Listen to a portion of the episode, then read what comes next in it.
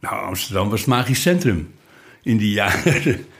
Ja, er gebeurde gewoon uh, in Amsterdam ontzettend veel. Hoe werd Amsterdam eind jaren 60 het centrum voor vernieuwing in de kunst?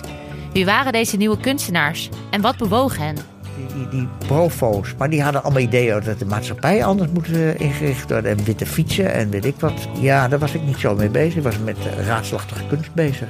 De tentoonstelling Amsterdam Magisch Centrum in het Stedelijk Museum laat zien hoe de Nederlandse jeugd zich niet alleen op straat hoort, maar ook in tijdschriften, muziek en beeldende kunst. Plotseling, uit alle hoeken en gaten kwamen de kunstenaars tevoorschijn. Op vrijdag 6 juli opent de tentoonstelling Amsterdam Magisch Centrum in het Stedelijk Museum. De eerste aflevering van deze podcast zal dan ook verschijnen. Daarna komt er iedere vrijdag een nieuwe aflevering bij.